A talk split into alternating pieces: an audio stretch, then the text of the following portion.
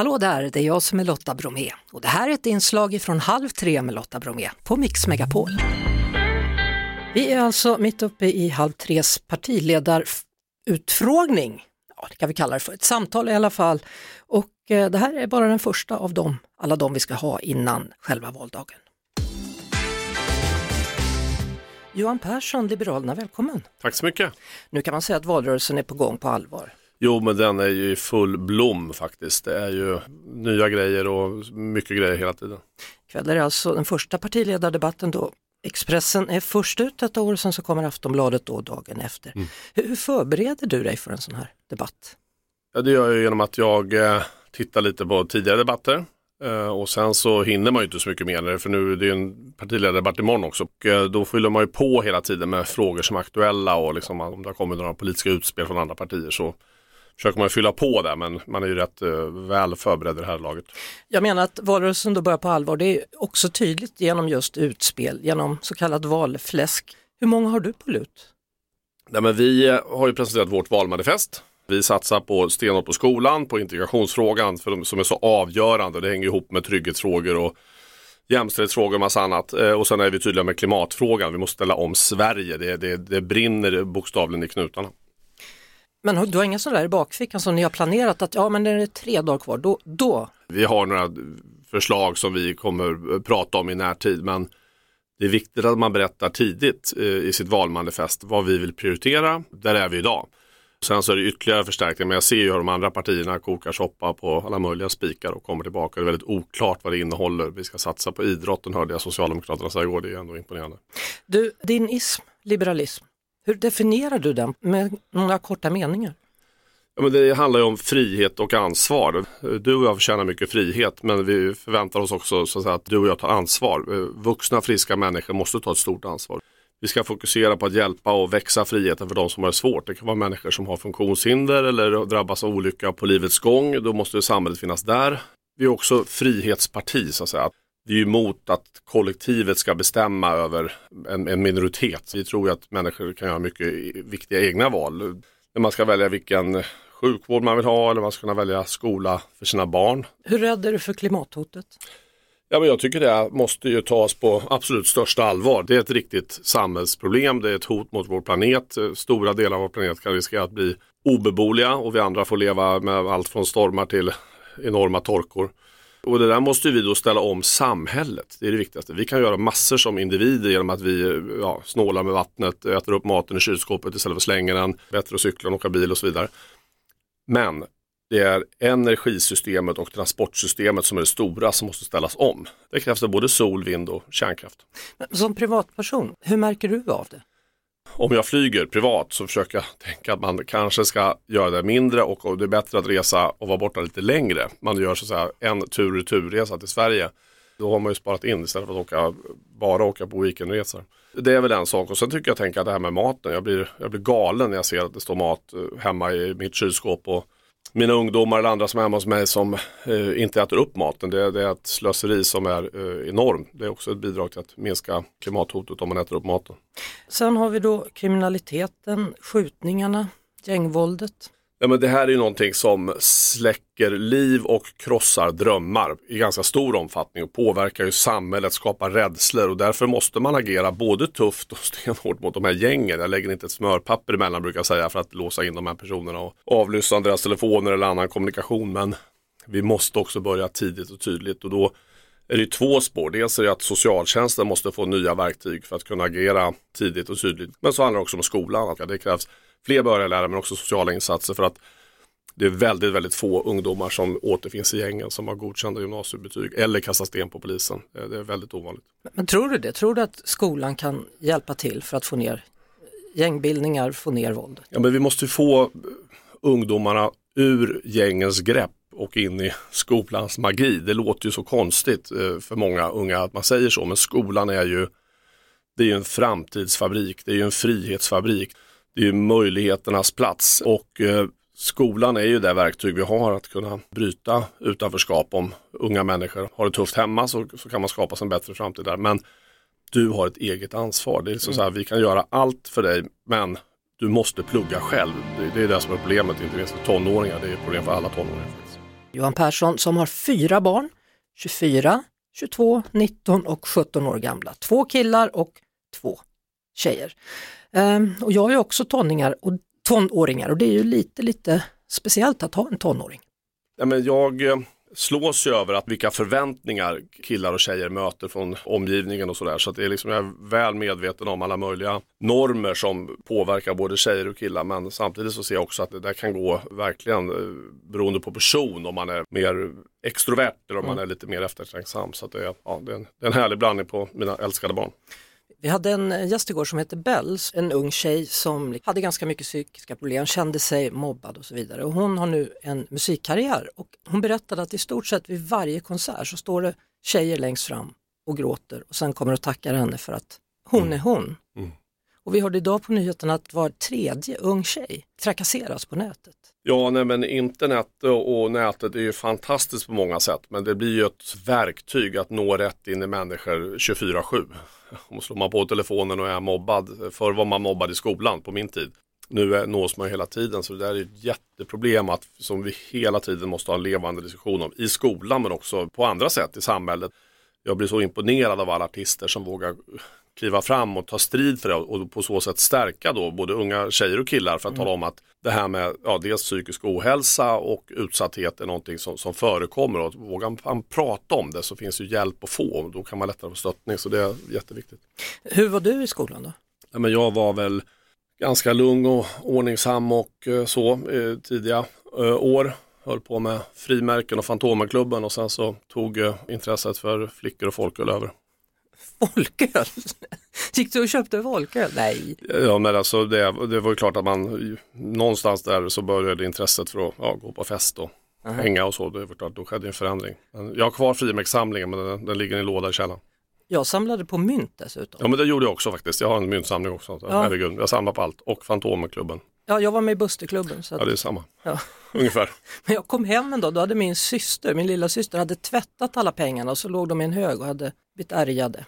Ja du ser. Det kändes sådär. Jag fick putsa om dem. Hade du syskon? Ja, jag har en lilla syster som jag har mycket god kontakt med. Det är fint att ha syskon. Röstar de på dig eller? Eh, Det utgår jag ifrån. Jag ska, men, men eh, vi har ju valhemlighet så jag är inte helt säker med. Jag har goda förhoppningar att Anna röstar på mig. Tänk om man inte gör det? Nej, det är så. Det kan bli brutalt uppvaknande på valdagen. Du, eh, det står en grej på din vänstersida där, ser du det? En det, dator. det är faktiskt en, en lögndetektor. Oj, vad ska jag göra med den? Jag tänkte vi skulle köra den. Mm. Bra att du säger ja. Nu har vi bara ett problem, vi har inte fått kontakt med vårt Nej. kontor i Schweiz. Men jag tänkte att jag kommer ställa lite lögndetektorfrågor och sen Ja. får min människokännedom avgöra om du säger sanning eller lögn. Och så ska du få sätta på dig en sån där på fingret bara för att få känslan av hur det skulle vara att vara utsatt. Är det okej? Ja, ja, verkligen. Okej, lögndetektor med Johan Persson, Liberalerna. Äter du tacos på fredagarna? Det händer eh, faktiskt. Det är ju jättegott. Vet du hur mycket en liter mjölk kostar? Ja, men jag köpte en liter mjölk sist. Kostade den 10,80 tror jag. Den har gått upp till 18 kronor nu. Inte en liter mjölk. Jag är inte på Willys. jag Nu ska det finns andra butiker också, men liksom, ja, det kostar 10,80. Hur mycket kostar ett kilo smör? Jo, men det har gått upp till över 60 kronor. Älskar du Sverige? Ja, så in i bängen. Jag är galen på att vifta med flaggor på nationaldagen. Har du prövat droger? Eh, Det har hänt. Vilken sort? Jo, men i min ungdom så testade jag att uh, Mariana. Tyckte du det var bra? Nej, det tyckte jag inte. Det, det gav väldigt, väldigt lite. Är du bra på att dansa? Eh, takten är väl sådär, men jag tycker det är kul att röra mig till musik. Eh, hellre än bra. Är du PK? Politiskt korrekt? Ja, både och. Så att säga. Jag, jag tycker man har ett ansvar för vuxen, hur man beter sig, hur man uttrycker sig och så. Men det är klart att när jag är i ett slutet rum som det här så kan jag bara känna mig avspänd. Vill du bli statsminister? Självklart. Håller du med om allt som ditt ungdomsförbund säger? Nej, men mycket. Jag älskar den liberala elden som de bär i sina hjärtan. Det var någon där som sa att man skulle kunna sitta med sin kompis som tar en öl när man själv bara röker en joint, apropå droger. Ja, de har sagt det ja. ja nej, men jag, vi, Liberalerna har ju åsikten att vi ska utreda den här frågan i botten för vi måste hantera detta. Alltså människor flyr till substanser av olika skäl så vill man lämna verkligheten och låta sig påverkas. Och det är väl klart att jag, har träffat mycket, liksom, det är poliser och socialarbetare och människor på beroendecentrum. Det är inget av dem som jag har träffat här som har sagt att det här med, med droger det är lösningen på människors olycka. Det blir i regel bara värre. Samtidigt så går det faktiskt att få medicinsk cannabisolja utskriven nu, visste du det? Ja absolut Ja. och, och det, jag, jag följer den debatten noga så det är väl klart att någon människa med någon svår sjukdom om den personen dessutom tar cannabis på något annat sätt. Men man ska komma ihåg att det är rätt mycket läkemedel idag som är lagliga som är enormt potenta som det heter och farliga och hela opiatkrisen vi har ser i USA den är på väg hit. Mm. Så, så läkemedel och sprit är ju inte heller svaret på, på allt. Men det är intressant just med marijuana då som har blivit laglig, inte minst medicinsk cannabis då i, i fler stater i USA än färre. Dessutom i hela Kanada är det lagligt och även nu i Europa börjar röra på sig i den frågan.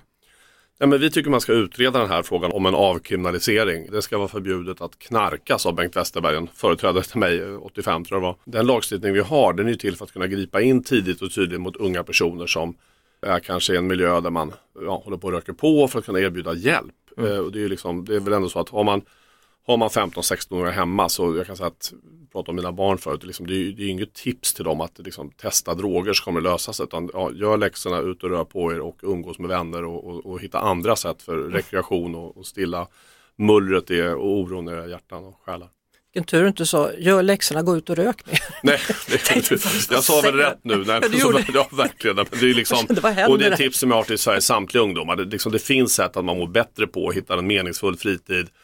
Och satsar man på skolan så har man dessutom garanterat en stark framtid i Sverige. Och något som det pratas om mest, eller i alla fall en del av det som det pratas om hela tiden i valrörelsen är ju huruvida man ska samarbeta med Sverigedemokraterna eller ej. Liberalerna har nu sagt ja då till det för att bilda en borgerlig regering och även om Liberalerna sägs vara delade i frågan, för Johan Persson är det hela ett självklart ja vad gäller samarbete. Sverigedemokraterna måste man kunna prata med i sak. Det är en parlamentarisk realitet och, och för min del som liberal, jag kan prata med alla partier men jag tror inte att sossarna kommer att stödja vår regering. De kommer att rösta emot den och gå i opposition efter valet.